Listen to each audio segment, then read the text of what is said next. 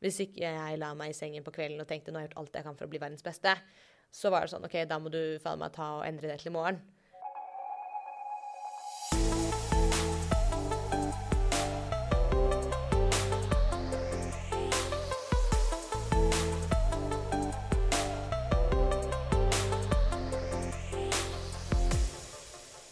Hei og hopp!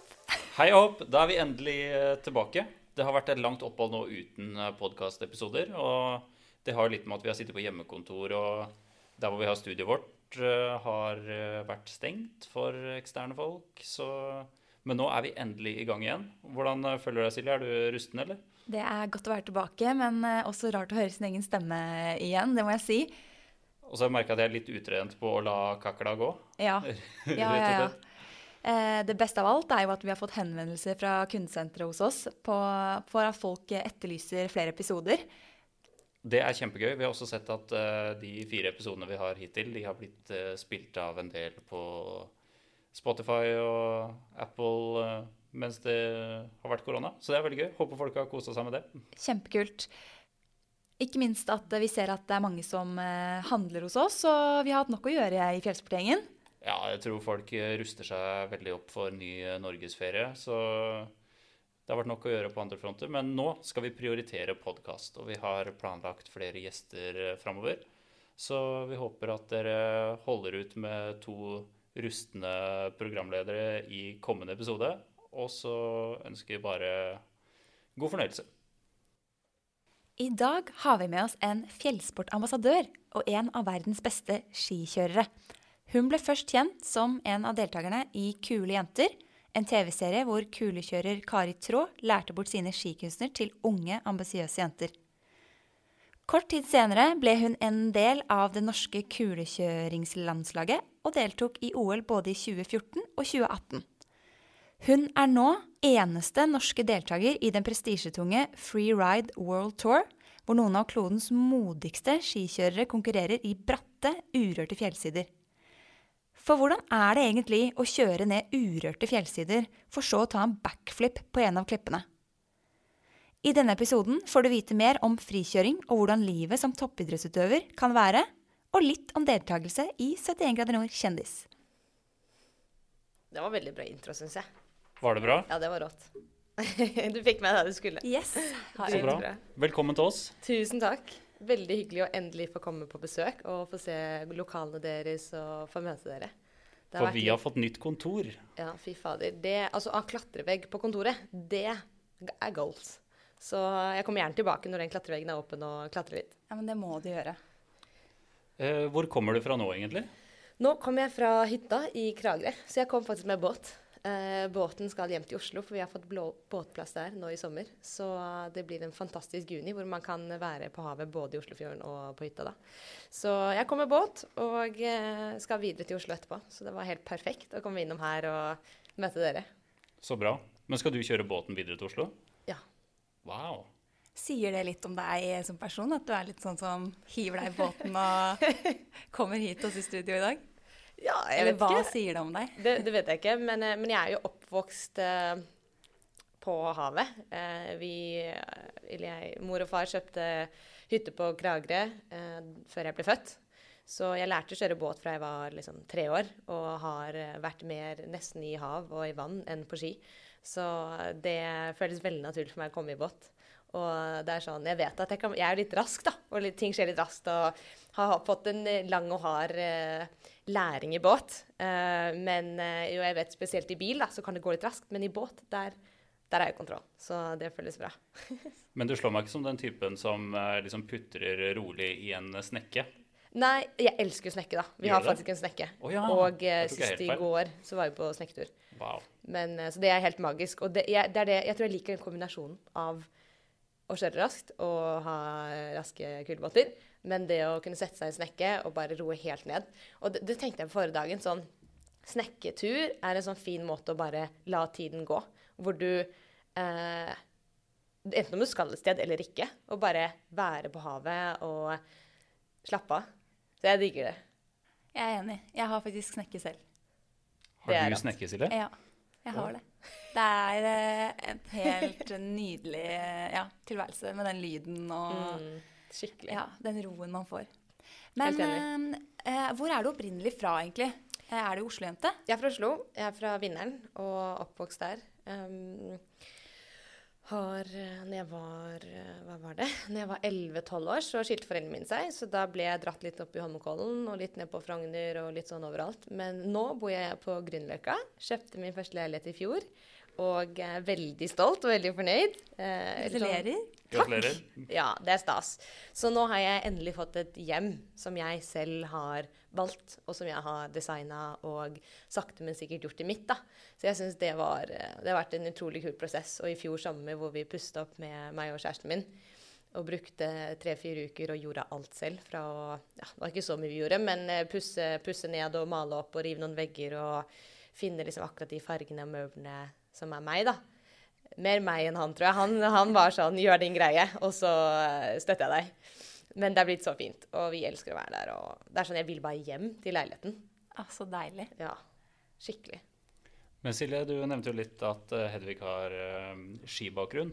Hvordan uh, starta den karrieren? Ja, den startet før jeg fikk ta noe valg om det, egentlig. Jeg gikk på Tommerstad barnehage oppe i Tryvann. Og der var det ut på ski og langrenn fra man var tre år. Så vi hadde jo egen skibakke i barnehagen. Så da Ja, så det kom raskt. Jeg tror sånn ski Så valgte meg. Mm. Ja, du, det var rått. Og jeg tror at altså, der skal, hvis jeg bor i Oslo eller i Norge, så er det der mine barn skal gå. For det er sånn Den muligheten vi fikk da, til å være ute i skogen Barnehagen er jo basically i skogen. Å være ute hele tiden, på med regndress og opp i bakken og gå langrennsturer og Det var helt magisk. Jeg tror at det, den oppveksten og den barnehagen har nok helt klart vært avgjørende for meg og formet meg til den jeg er nå, da.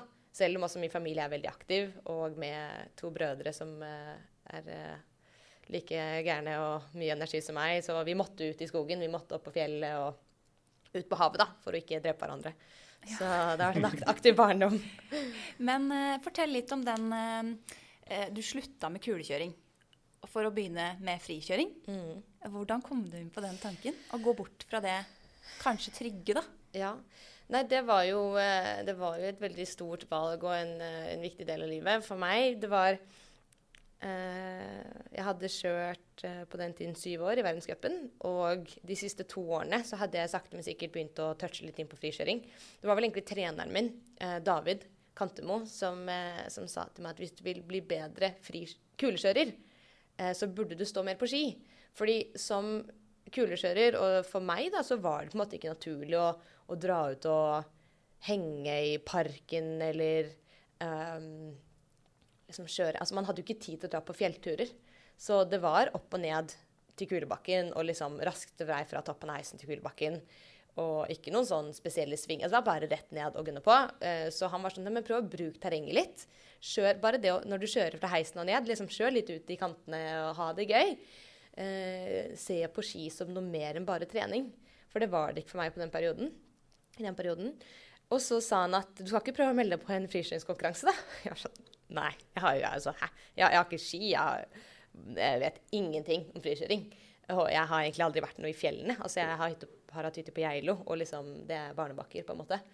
Um, men så fikk han jo meg til å gjøre det. da. Han meldte meg vel egentlig på. Uh, og så var jeg med da i min første frikjøringskonkurranse i Røldal rett etter OL i 2014.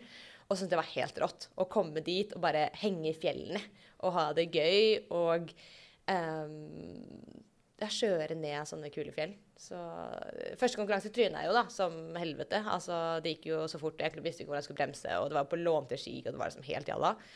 Men jeg fikk skikkelig tenning, og året etterpå så meldte jeg meg på da nordisk mesterskap i frikjøring. Skandinavisk mesterskap. NM oppe i Riksgrensen. Som var um, også en av mine beste beste tider, sånn en av de tidene jeg ser tilbake på som helt rått. Den, når jeg kom opp dit i Riksgrensen i midnattssol. Det var bare en gjeng med venner som dro opp og bygget hopp klokken 11 på kvelden. Og å kjøre den konkurransen med venner ble en sånn skikkelig sterk greie for meg. At konkurranse og frikjøring og skikjøring kan være bare gøy. Eh, nerve, nervepinnene også, så klart. Men, eh, og der gikk det jo bra. Jeg kom på andreplass og tenkte at ja, men ja, kanskje jeg kan bli god i dette her. Så var det veldig gøy. Og etter det så har det bare gått sakte, men sikkert fremover. Herlighet. For jeg kan jo se for meg, da du drev med kulekjøring, at eh, det var et litt annet støtteapparat rundt og, og sånn enn når du driver med frikjøring, kanskje? Ja, helt klart. Um, det jo Så valget, da, når jeg da kom til uh, sommeren 2017, halvåret før, um, før OL i 2018, hvor jeg hadde veldig sterke ambisjoner og høye mål og var veldig motivert for det OL-et, og jeg skulle vinne, og det var på en måte ikke noe annet enn det. Uh, og den opptreningen var uh, heavy, men bra, og jeg kjørte bra og var stoka, men kjente at liksom um, Det er noe annet som jeg også vil veldig. Så det var egentlig det hele halvåret og den tiden brukte jeg på liksom, hva er det jeg egentlig vil. Vil jeg fire år til mot et nytt OL? Eh, nå har jeg kjørt verdenscup og kulekjøring i syv år og holdt på siden jeg var tolv år og følte at liksom, kanskje det er noe annet som er morsommere. Og da var det egentlig det at jeg nesten skrev en liste på pros and cons. Hva var positivt med kulkjøring, og hva er positivt med frikjøring. Og tenkte ok, hvis jeg kan gjøre én av sportene hver dag, hva ville det vært? Og det, ville jo, det var liksom åpenlyst at det var frikjøring. da. Og jeg kjente at der har jeg noe å hente. Og eh, den, ja, den gleden jeg får av å kjøre frikjøring, det er bare så ubeskrivelig. Så mm. Herregud, det er ganske rått. Ja, det er et kult valg å ta, syns jeg. Mm. Uh, jeg er litt sånn fascinert av det når du har brukt store deler av livet da, til å drive med så um, ganske ekstrem skikjøring. Mm. For det er jo det i kulekjøring også. Um, er du helt sånn uredd? Nei, jeg er redd. jeg er kanskje mindre redd enn andre. Men eh, i kulekjøring så har man jo bygd opp en ryggmarg, og man har jo tatt steg for steg. Så det er sånn, altså Man prøvde jo både frontflip og backflip når man var tolv år allerede. Men vi hadde jo først gjort det på vannet og på trampoline og gjorde det i pudder. og på en måte Man tok de stegene, da. Uh, og så i kulekjøring, når man, altså man får så sykt bra balanse og bra kroppskontroll at uh, uh, det blir ikke Ja, man, man, blir bra, da. Og så er det jo bare å Som alle idretter, det blir jo mindre og mindre skummelt. Men eh, det var fortsatt liksom fra siste til siste dag jeg kjørte, så er det alltid sånn når du kommer en ny bakke eller skal gjøre et triks et, på et nytt hopp, så er det sånn OK. OK, jeg kjører. Ikke sant? Det er sånn det er, det er, Du, du hiver deg ut i det. Ja, ja, du kjenner pulsen hver gang. Eh, og så ble det jo med konkurransenervene som på en måte tar over, da. Eh, men, eh, og det kjenner jeg hver gang jeg kjører frikjøring òg. Jeg er jo redd. Eller sånn jeg, ikke, det det, jeg vil ikke kalle det for å være redd. Det er mer det at jeg er altså gira, da, eller excited. Eller man, man, kjenner det er en blanding av nervøsitet, men også glede og um, ja, excitement. Adrenalin. Adrenalin ja. ja. Så det er, no, det er, nok mer det. Uh, og jeg prøver jo da å vri liksom den nervøsitet, nervi, nervis, nervøsitetsfølelsen mm. over til noe positivt, og heller tenke at det her er bra, og det her er gøy, istedenfor å tenke fy fader, nå er jeg så nervøs at jeg holder på å dø. Men at det er sånn Nå er jeg så gira at jeg liksom det er, det er, mer det, da. At man prøver å si at det her er bare gøy. Og det er gøy fordi jeg kan det, og jeg vet hvor jeg skal, og jeg vet hva jeg skal, og det her kan jeg. Eh, og liksom å se tilbake på ting man har gjort som har vært bra, og, og sånne ting. Men, eh, men, tilbake til egentlig det dere spurte om i forhold til det valget, så var det sånn OK, nå går jeg ut av en sikkerhet. Jeg har Olympiatoppen i ryggen. Jeg har fått så sykt bra støtte fra de de siste årene. Eh, jeg er i toppen. Det er, liksom, det er så nære, da. Eh, jeg har en fantastisk trener og et helt rått team. Men jeg velger å liksom si nei da, til den sikkerheten, men heller prøve noe helt annet. Og gå, det, gå inn i det ukjente, og um, hvor det ikke finnes trenere, hvor det ikke finnes team. Du er alene, og du lager heller ditt eget team ut ifra hvem du vil stå på ski med. Og det var også en, noe jeg ville til. Jeg ville prøve noe nytt. Jeg ville ha mer frihet og, og rett og slett ha mer tid til å oppleve verden. Altså ikke bare den kulebakken i Canada og Japan, men kunne kjøre mer fjell og kunne gå toppturer og, både på sommeren og vinteren. For vi har hatt så heavy treninger hele året med liksom nesten 300 reisdøgn i året. Og liksom det er, det er ikke mye tid da, til annet som er også gøy, som jeg ville oppleve. Og jeg følte at eh, nå må jeg bare hoppe i det. Angrer du? Nei. Nei, Så bra. ja, Nei, ikke i det hele tatt. Jeg følte jo Jeg har også på en måte eh, Jeg har tenkt mye på det, men jeg føler at kulekjøring var egentlig bare et steg for å få meg til frikjøringen. At det var hit jeg alltid skulle. Men at jeg måtte gjennom kulekjøringen for å bli bra på ski, men også for å lære meg disiplin og ha den derre trener um, altså den, den, bakgrunnen jeg har nå, da, med både kosthold og trening og, og, det å ta vare på kroppen og hvor viktig det er, å ha det med seg nå inn mot frikjøring, er uh, veldig, veldig verdifullt. Hadde det vært uh, mye verre andre veien? Si du skulle gått fra frikjøring til kulekjøring og Olympiatoppen-regimet? Hvordan ja. hadde det vært?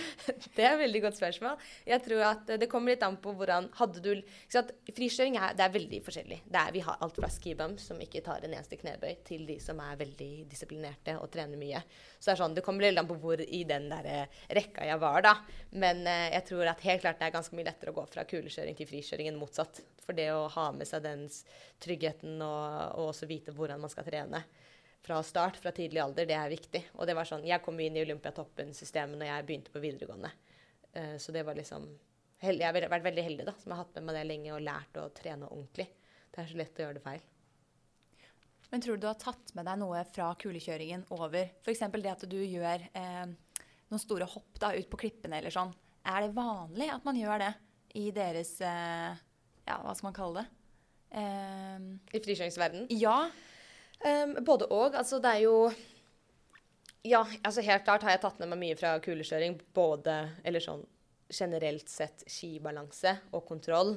Uh, og ikke minst mine hopp. da. Det å gjøre triks uh, i frikjøring er fortsatt relativt nytt. Det er jo nå mye større enn det det var for tre år siden.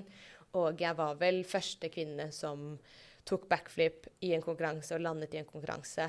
Um, så det er veldig kult å kunne være med på den utviklingen. Det var også noe jeg så at før jeg eller før jeg tok det valget 100% så så jeg at jeg ser en plass som jeg kan ta. Jeg føler at jentene kan mer, og jeg er keen på å være med og pushe sporten. Eh, så det var ganske kult på NM i Riksgrensen. Det var vel to år før um, to år før jeg kjørte første verdenscup i Verbier i frikjøring. Da prøvde jeg backflip ut av en klippe. Uh, og tryna. Eh, men så prøvde jeg en år etterpå og landet, og det året var det også en annen jente som prøvde. Og da året etter på verdenscupen så gjorde jeg det, og året etter der var det to jenter som prøvde. Så det å se at flere jenter gjør triks, det er helt rått. Og Ariana har gjort 360 i noen år også, så um, det, det er veldig gøy å kunne være med i den utviklingen og, og se at jenter tør mer. Eh, og noen ganger trenger man bare en som viser. Og for meg har jeg alltid, jeg alltid har trent med gutta, så jeg har tenkt at hvis gutta kan det, så kan jeg det. Det er ikke noe forskjell på det. Eh, og gutter gjorde jo backflips og 360 i frikjøring og har gjort det noen år. Så jeg tenkte hva forskjell ja, de, de, kan det jo, da kan jeg det òg. Så det var litt sånn den innstillingen jeg hadde, og tok med meg videre. Og, um, og da har jo helt klart min bakgrunn med 10 000 millioner backflips eh, på vann og på, på ski hjulpet, da, selv om det er en helt annen greie å gjøre det i, i, frikjøring og i et terreng hvor du aldri har vært. Hvor du kommer liksom full fart fra toppen, eh, har aldri kjørt der, og så bare OK, eh, backflip. Ja, OK, jeg må ca. så mye fart. OK, landing. Eh, strekk. Og så er det sånn. Det er jo en helt sjuk greie. Men eh, det hjelper jo å ha litt luftkontroll. Du virker så uredd. Det er der igjen. Det er liksom hiv deg utfor og kjøre på. Men den, Jeg har et spørsmål. Et spørsmål. Ja, kjør på, Sindre. Um, en frikjøringskonkurranse. Ja. Hvordan foregår den, og hva blir man på en måte bedømt etter? Ja, det er et godt spørsmål. Jeg kan skjønne at det er litt vanskelig å forstå. Altså, Enkelt forklart, da, eller jeg skal prøve å forklare det enkelt. Og det er at um, før en konkurranse så får vi et bilde av et fjell, og med avmerkninger. Her kan du kjøre. Og så kan du ikke kjøre på denne klippen, for den er 50 meter. Liksom. Eller kjører du der, så dør du. ikke sant? Men vanligvis er det sånn innenfor dette området kan du kjøre. Og da er det Eh, ett et, eller to-tre startpunkter, vanligvis ett. Og så er det en, en, målstrek. Og så kan du gjøre hva du vil mellom der. Oh, ja. Ja. Og ja. da eh, velger du egentlig din egen linje. Du hopper over de klippene du vil. Du kjører på de skavlene du vil. Og eh, det vi blir bedømt på, er flere kriterier. Og det er bl.a. Eh, kontroll, det er stil, eh, balanse, det er hopp, aggressivitet, om du hopper triks, eh, tid, men jeg vil si at det viktigste er på en måte det overall inntrykket, som er en kombinasjon da, av hvor fort og kontrollert du kjører, men også da hvor spektakulært det ser ut. Hvis det ser for lett ut, f.eks., så får man litt dårlig poeng. Og det har vært eh, vanskelig for noen som kjører så utrolig stabilt. Selv om det går dritraskt, så ser det ut som du kjører sakte. Så det er sånn, noen ganger så må, man, må dommerne se på tiden og se ok, hvor, hvor ekstremt var dette faktisk. da. Ja, det skjønner jeg. Men det må jo være vanskelig, eller nesten litt sånn subjektivt å dømme, da.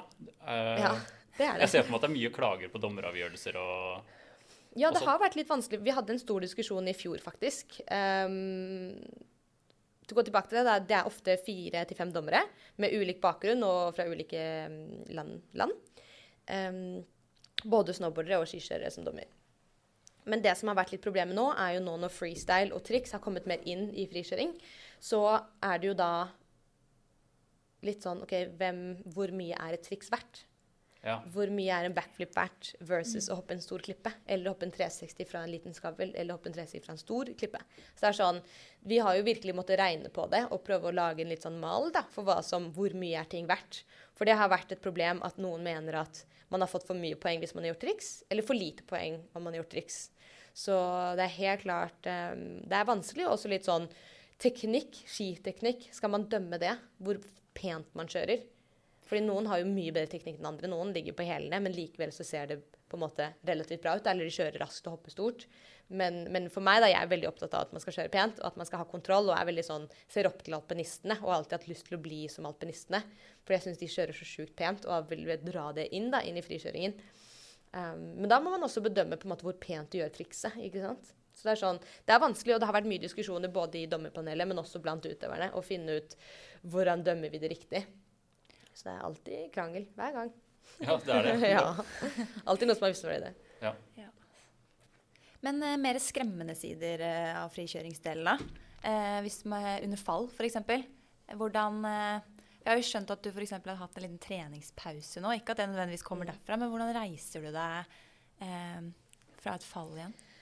Eh, ja, altså frikjøring det er jo bare å akseptere at man kommer til å krasje, og at man kommer til å få vondt. Um, det er jo alltid mulig, eller det er jo muligheter til å holde seg tryggere. Um, for min del så er jeg veldig opptatt av å pushe meg selv, men gjøre det på en trygg måte. Og gjøre det når det er bra forhold. Eh, jeg prøver ikke å være dum. Altså det er litt sånn når du kjører og det er dårlige forhold, det er hardt og helvete i landingen, og det er kanskje ikke den dagen jeg skal pushe meg og hoppe min største klippe, eller prøve et nytt triks. Så det er litt sånn, jeg tror det er viktig at man Det er litt morsomt. Reine, eh, Barkred, svensk frikjører, han, han kaller det liksom sustainable skiing, da. For da, du skal kunne stå på ski lenge, og du må ha en eh, sterk kropp. Og at man ikke skal gjøre dumme valg, som ofte man ser på de litt yngre. Hvor de bare kaster seg ut og prøver nye ting. For det er sånn å, det er kult foran gutta og skal tøffe seg litt. Men jeg prøver å heller tenke på framgang og liksom litt sånn langsiktig eh, trening. Og ja. Men i forhold til skader og sånne ting, så er det jo viktig Der har jeg igjen mye fra kulekjøringen og fra Olympiatoppen, hvor jeg trener så mye jeg kan eh, til, til det jeg skal. Og nå i forhold til friskingen så har jeg hatt mye mer eh, sånn lange, lange kondisjonstrening. Det fikk jeg jo nesten ikke lov til før. Å gå og trene mer enn Eller å løpe eller sykle mer enn en time, for da blir jeg seig. ikke sant? I kuleskyting skulle det være det skal gå raskt, og du, du skal ha eksplosivitet. Men her i frikjøring handler det om at før, før en konkurranse f.eks., så skal vi jo gå opp to timer i bootpack liksom, før vi skal kjøre. Og da må du ha kondisjon, kondisjonen til det, da, for å så kunne sette utenfor. utenfor. Så um, når det gjelder skade, så uh, er det viktig å bare følge med på kroppen hele tiden. Jeg gjør mye yoga, passer på at kroppen er i balanse. Prøver å trene styrke gjennom hele vinteren. Og, uh, og nå, da, hadde jeg hatt en liten ryggskade. Eller kall det Jeg vil ikke si det en skade, men mer sånn overbelastning. Litt sånn vondt og irritert rygg. Eh, og noe litt sånne såre ankler, for det vred ankelen i, i Andorra i konkurransen. Så jeg trengte nå en måned helt av. Hvor jeg, har, jeg tenkte at jeg kommer til å gå på veggen, og det kommer til å bli helvete. Men det har vært, ganske nice. Eh, jeg har gjort andre ting, men ikke båret noe, ikke trent noe, gått små turer og gjort litt yoga. Så kroppen føles veldig bra, og jeg hadde min første økt i går. Eh, det, var helt, ja, det var helt rått. Jeg, var, jeg løp ned på treningen og bare Fy faen, jeg skal trene! Det var veldig gøy. Og jeg følte at kroppen responderte bra. og ikke, Jeg føler meg jo sterk fortsatt. Så det er sånn, det er ikke sånn at jeg mistet alt. Selv om den, eh, den eksplosiviteten kanskje ikke er der 100% men, eh, men jeg tror tips for å holde seg skadefri er å ta sustainable eh, sjanser, på en måte. Vite kunnskapene dine og pushe deg litt, men ikke for mye. Og holde kroppen i gang hele året. Det var et godt tips. Veldig bra. Vinteren er jo eh, ganske sett eh, hos deg, Hedvig. Og så er vi jo litt spente på hva du gjør eh, ellers, da. I året. Har du noe, noe du brenner for, eller noe du går til? Ja, Um, det har jo også endret seg litt i forhold til når jeg Oi. det har også endret seg litt når jeg startet med frikjøring. Da fikk jeg endelig muligheten til å gjøre akkurat det jeg ville. Og det var også en av grunnene for at jeg ville dit. Fordi jeg ville prøve mer. Altså jeg ville ut på tur, jeg ville ut og klatre, jeg ville sykle mer. Og, eh, så det er vel de sportene som jeg på en måte har hatt så lyst til å bli bedre på og bruke mer av tiden min på. Um, så om sommeren så er, går det mye i landeveissykling og klatring. Uh, så klart så er det mye styrke også som går igjen, men det å kunne ta en uke eller to opp i Lofoten og klatre og sykle og være i naturen, gå fjellturer, det er sånn det er helt magi for meg. Og jeg er så glad for at måte, det er nå Jeg vet ikke om jeg skal kalle det jobben min eller treningen eller bare det jeg elsker. Det er liksom en kombinasjon av alt, da. Men um, det er utrolig digg å ha mer tid til å gjøre det. Så det, det er veldig gøy. Har du noen kule planer for sommeren, da? Jo, vi driver og lager litt planer nå, da. Men uh, det kommer nok helt klart til å bli en tur opp til nord. Uh, om det blir Inndyr eller Lofoten. Um, både litt i juni, tror jeg. Slutten av juni, starten av juli. Og også i august, mest sannsynlig. Jeg har nok lyst til å være litt i Kragerø, på hytta og på båten. Og det er litt viktig for meg at jeg får trent opp kroppen igjen. Um, så jeg må være i nærheten av uh, treningsmuligheter. I fjor kjørte jeg liksom fire uker bare helt på reisefot og opp i Nord-Norge. Og kjente at jeg savner, jeg savner, jo det å kunne trene styrke og holde det gående. Så nå må jeg ha litt fokus på det. Uh, men det kommer til å bli mye klatring, og vi prøver å Kjæresten min og jeg kommer nok til å reise mye sammen og setter oss noen mål på hvilke topper vi vil. da. Um, så vi får se hva det blir. Men uh, det blir helt klart noen teltturer og klatreturer og fjellturer. Ja, for du innrømte jo til oss før vi eller da vi møtte deg i stad før vi spilte inn podkasten, at uh, teltbakgrunnen den er litt sånn så som så. Ja, den er så som så. Altså, før 71 grader nord, da, for da var vi jo, sov, vi jo, sov vi jo telt i 100 år. Men um, før det så kan jeg ikke skryte med at jeg har vært mye i telt. Um, jeg husker en gang veldig godt hvor jeg dro på telttur i Nordmarka med to venninner. Eh, hvor vi, vi, var kanskje tolv år. Eh, det var veldig gøy. Eh, men utenom det så med, Vi har ikke vært så mye telttur med familien, faktisk. Så eh, det er noe som jeg fikk skikkelig smaken for eh, etter 71 grader nord. For da skjønte jeg at det er jo faktisk ganske enkelt. Jeg var litt sånn Å nei. Det her, det er stress. Det er stress å lage mat, det er stress å gå på do, det er stress Alt er stress, tenkte jeg. Men så så man jo hvor sykt enkelt og bra det funker. Og den fleksibiliteten man har. I hvert fall når det er bra vær. Altså, jeg må jo si at det er jo litt trist når det er regn og helvete. Men um, det er veldig gøy. Og Tobias, kjæresten min, han uh, elsker jo å være ute i naturen, så det er en bra match. Så bra. Apropos 71 grader nord. Ja. Det syns jo vi er litt uh, spennende. Uh, hvordan var den opplevelsen sånn totalt? Det var helt rått. Um, faktisk Noe av det jeg syns var best, var å være offline. altså. Det å ikke ha telefon, det å ikke ha noen plan, det å ikke ha en mail du må svare på. Det å bare være til stede og ha noen andre som bare sier til deg Gjør det. I morgen så får du en oppgave. OK. Altså, jeg sov så godt. Jeg hadde ingen bekymringer, ingen liksom tanker, ikke noe, sånn, ikke noe stress som hang over meg. Så jeg synes den atmosfæren, det å bare være i naturen og være så til stede, og da med de menneskene som også var helt rå, Um, det var en veldig spesiell og kul opplevelse som jeg ofte søker tilbake til den tilstanden. Uh, og jeg føler jo at selv om jeg har jobb på telefonen min og på en måte må um, være aktiv på Instagram og uh, spare på mails og alt det der, så klart, um, så er jeg veldig sånn bevisst på telefonbruk. Og jeg kjenner jo hvor mye bedre jeg har det når jeg er avlogget. da, mm. Og er til stede og legger den vekk om det er en hel dag eller noen timer. Eller OK, nå går vi på fjelltur. Nå er vi her. Eh, og prøver å være veldig ja, bevisst på tilstedeværelse. Da, for jeg merker hvor mye bedre jeg har det da. Og da er det ikke noe bedre måte å, å gjøre det enn i naturen. Nei, jeg er helt enig. Det skal jo være litt det enklere liv. Det er jo mm. det friluftslivet handler om. Mm. Eh, og jeg tror vi alle har godt av å logge av en gang iblant. Ja.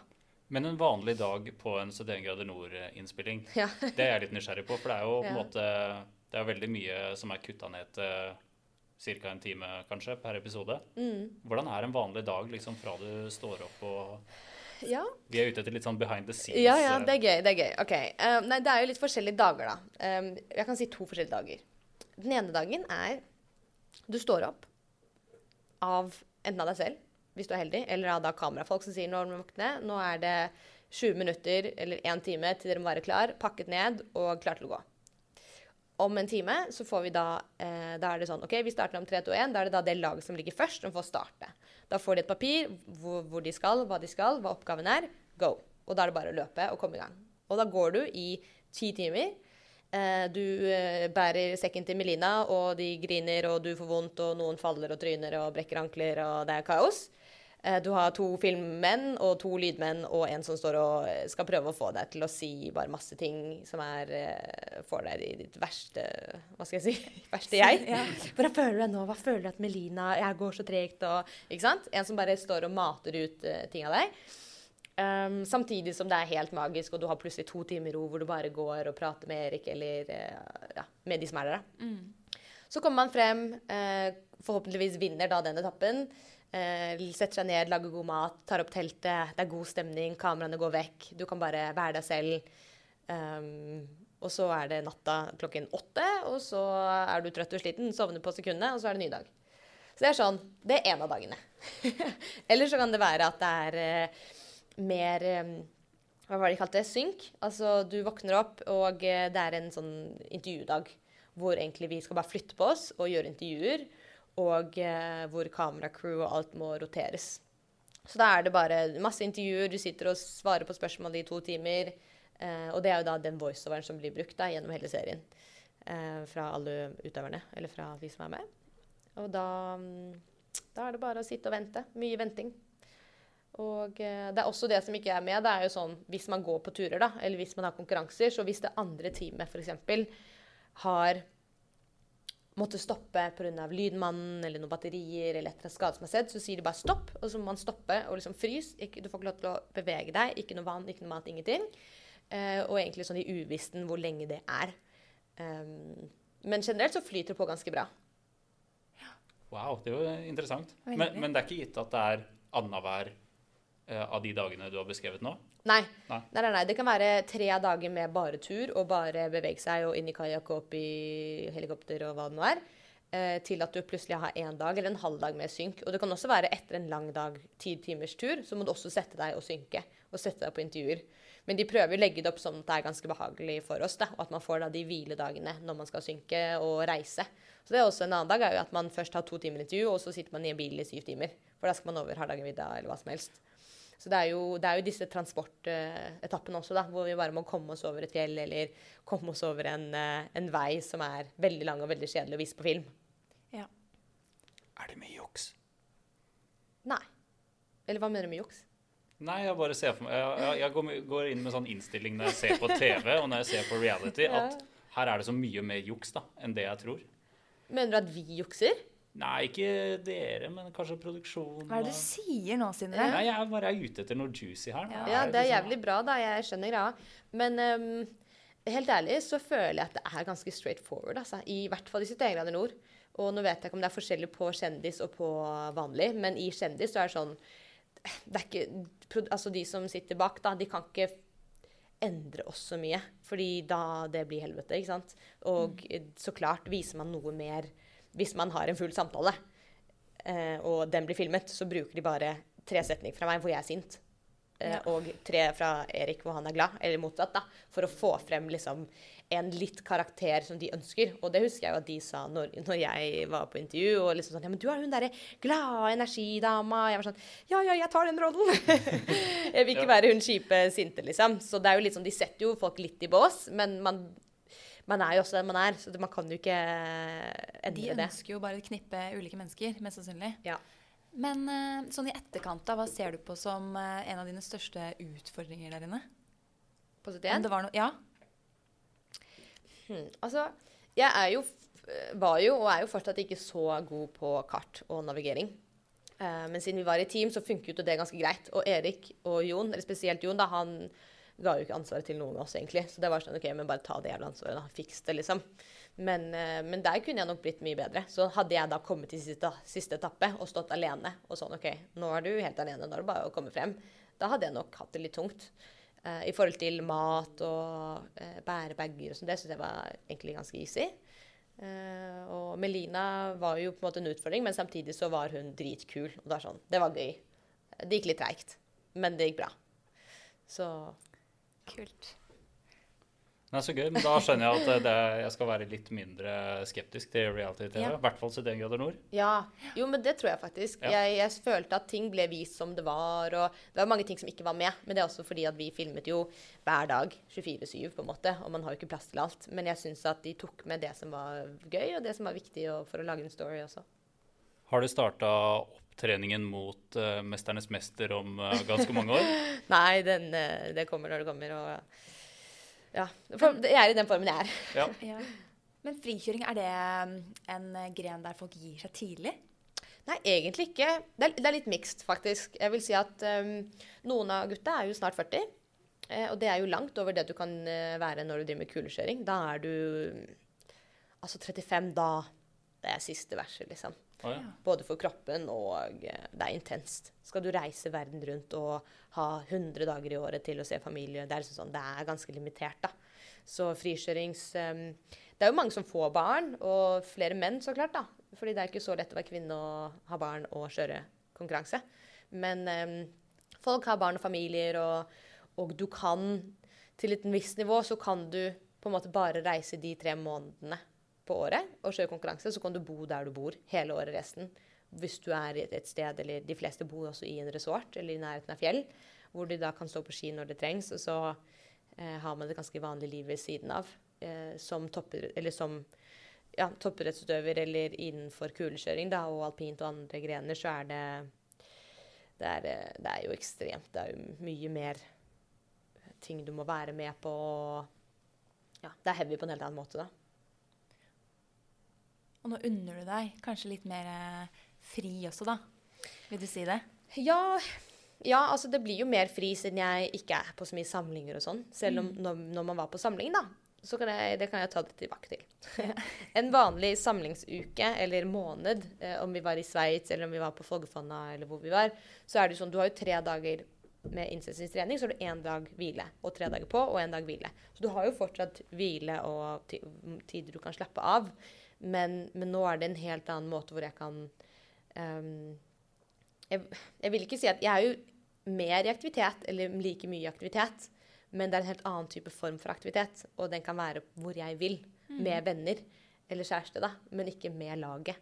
Alltid. Så det gjør jo at den muligheten til å ta med venner på tur, som aldri har vært der, den er nå åpen, da. Og det er helt rått. Så gøy. Kjempegøy. Ja, veldig gøy. Og kult å kunne være, eller å bli da, så allsidig når man eh, ja, ikke skal drive med det man elsker resten av livet.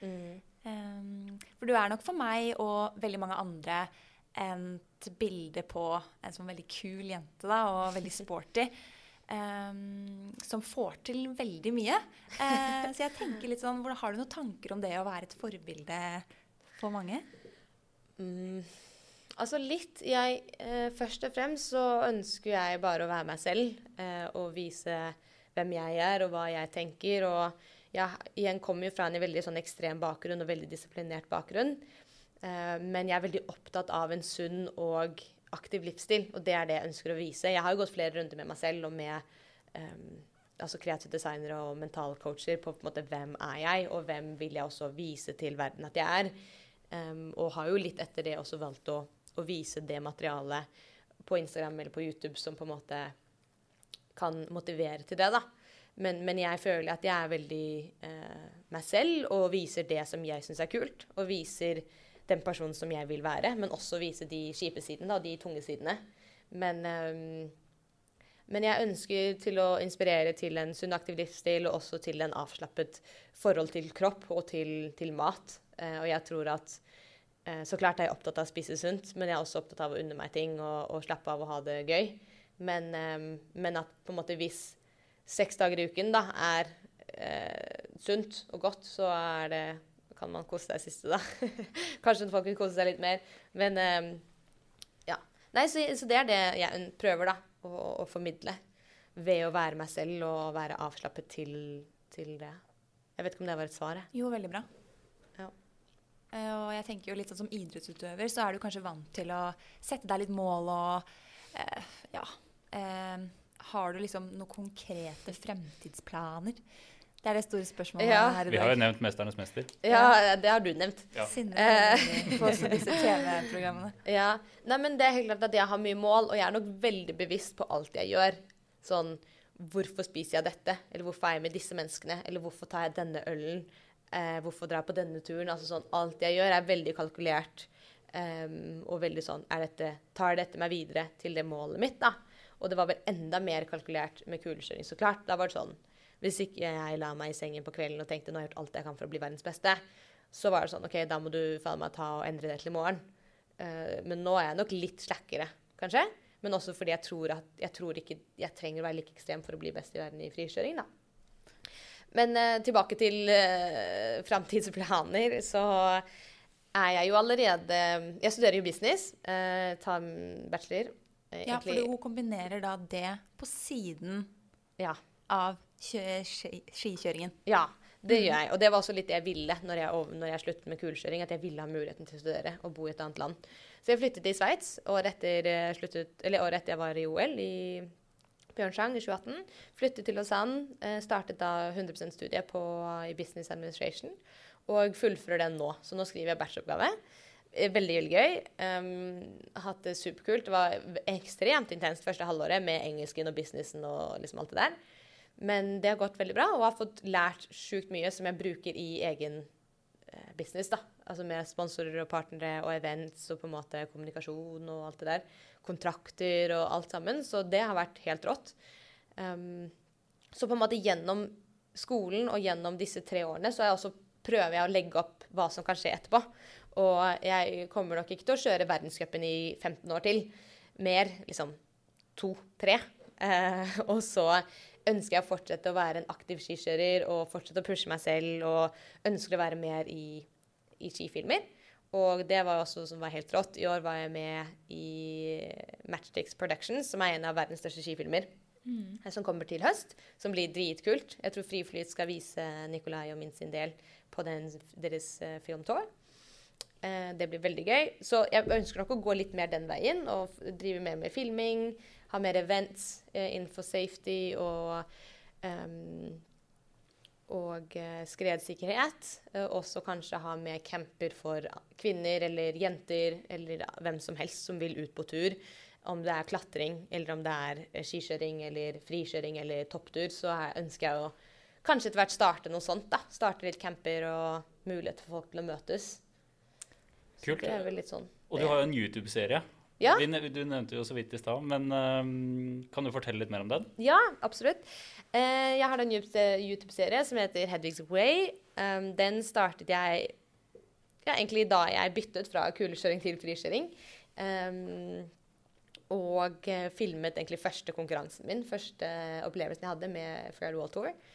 Eh, og hvorfor den heter Hedvig's Way, er fordi det er jo da min vei til å bli verdensmester, men også min vei eller min måte da, å gjøre ting på. Eh, og jeg ønsket å ehm, vise hva som skal til for meg, og hva jeg tror må til for å bli best. Og jeg ønsket å vise det til eh, publikummet, til de som ville lære. Og når jeg kom til frikjøringsverden, så er jeg sånn OK, hvordan tar man på feller, liksom? Hvordan tar man på skins? Hvordan eh, gjør jeg kickturns? Hvordan eh, søker man? Altså hva Jeg kunne ingenting. Og jeg var veldig åpen om det, og veldig sånn Jeg kan det ikke. Hvem kan det? Jeg ringer han, han lærer meg det. Kult. Vi filmer det og viser det og lærer det til andre. Så det var liksom den approachen jeg hadde, og det har da tatt eh, flere år da, og på en måte lært det jeg må lære. Og jeg er fortsatt i har masse å lære innenfor eh, skredsikkerhet. Der kan man aldri bli utlært. Um, men det har vært en veldig kul måte for meg å gjøre prosjekter som jeg vil, men også få med partnerne mine på det. Så det er også sånn, det var jo så klart en businesstanke i det også, at her har vi en mulighet til å få eh, materiale, for å få film og bilder fra hele verden. Fra eventyrene jeg gjør, fra campene jeg har, eh, og fra reisen min. Um, og kombinere det for å da kunne gi materiale til mine partnere. For å være mer aktuell og for å være litt annerledes og gjøre noe Gjøre litt mer da, enn alle andre. For det, er ikke så mange som driver med, mitt, som driver med konkurranse på mitt nivå, som også har en YouTube-serie, eller også uh, leverer høymateriale bilder til sponsorene sine. Og jeg så at uh, her vil jeg gjøre litt mer enn alle andre. Og jeg tror at dette er muligheten, da. Så det var vel litt sånn både business og gøy og filming og muligheter til å gjøre ting jeg vil, og uh, vise andre, da. hva, hva jeg gjør for å komme dit jeg vil, og at de kan lære av det. Jeg må ta et, jeg må ta ett tullespørsmål som, Ja, jeg- som, på. som en ansatt her har bedt meg om å spørre deg. Ja, det er gøy. Ja. Hva syns du om Snowblades, og vurderer du å kjøpe det? Oi. Jeg vurderer ikke å kjøpe Snowblades. Uh, men uh, det kan være gøy sånn i påsken, når man skal ha påskerenn og kanskje man, uh, det er litt fest og gøy. Da kan det være gøy å liksom bygge hopp og hoppe på Snowblades. Men jeg tror jeg kommer til å kjøpe Snowblades når jeg får barn, på en måte. For at de kan leke med det. OK. Men jeg er ikke noe sånn Eller hvis jeg ser noen i Snowblades i bakken, er jeg sånn OK, du Ja, kult for deg. Ja, det, det spørsmålet ble bedre enn jeg trodde. Ja, da jeg skulle stille det. Så har vi jo en liten avslutning her eh, i Fjellsportpodden med noen spørsmål som vi alltid stiller til gjestene våre. Ja, det er gøy. Det er gøy, vet du. Og da er første spørsmålet Er det noe utstyr du alltid har ønska deg, men som du enda ikke har eh, kjøpt? Nå tenkte jeg på Det er mer en sport, men det er jo et utstyr i det. Um, noe jeg har hatt veldig lyst til å prøve, som jeg har faktisk gjort én gang, men ikke på ordentlig, og det er havkajakk. Altså sånn Ja. i en foss. Å ja. Skjønner ja, ja. Er ikke det elvekajakk? Elvekajakk. Ja, Ja. det er det. Det er fett. Ja, der kommer hun igjen, hun tøffe. Hun Mm. hiver seg uti det. Men det, altså det er sånn Når jeg ser de gutta og damene holde på, jeg blir sånn Altså At ikke de dør når de treffer de steinene og er redd for å gå rundt. Og det har jeg så respekt for. Og det tenker jeg Det har vært sjukt fett å prøve. Ja, særlig når de går ned en foss, og så ser du både eh, på en måte kajakken og personen oppi er under vann lite grann, og så boom, spretter de opp igjen. Ja. Ja. Og en annen ting jeg kom på nå, som jeg er sjukt keen på, det er veldig nytt, da. Det er sånn derre Hva heter det? Surfebrett med sånn foil. Ja, Surfebrett som går av seg selv. Hvor kult er det? Har dere det, eller? Vi har ikke det her. Nei, dessverre. Vi har ikke elvekajakk heller. Nei. Vi har, Det var synd. eh, Ja, det er synd. Ja, søren. Vi har mye annet, da. Ja. Det er mye annet. Det er veldig mye annet. Uh, ja, og så er det spørsmål nummer to. Hva er det du alltid har med deg på tur? Ja. ja. Det jeg alltid har med meg, er en puffy. Hva er det? Å ja. Det er kanskje en svensk ord. Jeg, Ja, er jeg er jo retard. Altså, jeg har jo, eh, jeg har jo hatt svenske coacher, trenere og teammates og sånn i hele mitt liv. Så jeg, når jeg snakker i skiverden, så snakker jeg jo svensk. Altså pjekser og skidor og liksom åk, og det er sånn. Det er svensk. Men en puffy, det er en tynn boblejakke. som man kan Ah. brette ned i en liten klump inni lomma, på en måte. Ja, så jeg er alltid med Skal jeg si flere ting? det hvis du har flere Jeg har ting, flere så ting gjerne som jeg kom med alltid det. har med, faktisk. Jeg har alltid med da en tynn boblejakke. Jeg har med litt mat. Enten eh, brødskiver eller nøtter. Jeg har med ekstra skibriller. Ekstra puff, eller sånn hals. Ja. Puff heter det ikke. Bøff. Bøff, ja. Faen, sorry. jeg har med bøff. Um, ekstra hansker. Ekstra sokker. Det er det som er Jo, også skredutstyr, da. Stave og alt. Stabe. Spade og eh, stang og eh, airbag som regel. Og transceiver. Men eh, den, den som alltid, alltid er med, det er da boblejakke og ekstra hansker og mat. Du vet aldri hvor lenge du blir på fjellet. Godt poeng. Vil du ta siste, eller Silje? Ja, og da er det jo eh, gjenstand da, som beskriver deg som person, men det kan også være eh, en spesielt greie da, du har, eller et eller annet sånt. Ok. Oi, jeg vet ikke om du beskriver meg som person, men det er en greie jeg gjør som, eh, som, jeg, som er viktig for meg, som jeg har gjort veldig lenge. Ehm, og det er spesielt for å roe meg ned, og eh, som jeg ofte bruker da før konkurranse, når jeg skal legge meg før konkurranse. Og det er å, å høre på Harry Potter på lydbok. Oi! Ja, Ja. det er veldig gøy. og jeg er litt nerd, fordi jeg har faktisk hørt på alle Harry Potter-episodene. eller bøk, lest bøkene, da, på lydbok. Fra jeg var 14 år. Nesten hver eneste dag. Så jeg har hørt bøkene, eller lest bøkene, liksom 15 ganger. Så morsomt. Men hva er det som liksom fanger deg med de bøkene? Jeg vet hva? Jeg har tenkt litt på det, faktisk. Og jeg tror det er fordi det er en annen verden. Altså det er en sånn fantasiverden som gjør at når jeg hører på det, så glemmer jeg min egen verden, på en måte. Da lever jeg meg inn i Harry Potter-verden.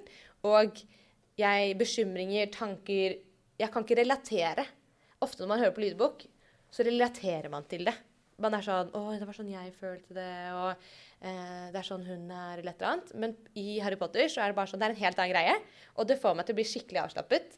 Så eh, ja, så det hører jeg på da før jeg skal legge meg, og eh, har gjort det nesten hver dag siden. Og grunnen for at jeg startet med det, det var egentlig jeg, det var da i 9. klasse, hvor eh, jeg hadde begynt å reise rundt i verden og eh, ville bli bedre i engelsk. Så da husker jeg at det var en familievenn av meg som bodde i London. Han var sånn Men ja, du må høre på lydbok. Du må høre på engelsk lydbok. Så er det sånn OK. Yes, det skal jeg gjøre. Engelsk lydbok. Hvem, hvilken lydbok skal jeg ta, liksom? Hvilken er en lang lydbok, tenkte jeg. jeg har aldri vært noen Harry Potter-fan. Aldri. Men så tok jeg Harry Potter, og han eh, lydmannen, holdt jeg på å si, eh, var helt rå.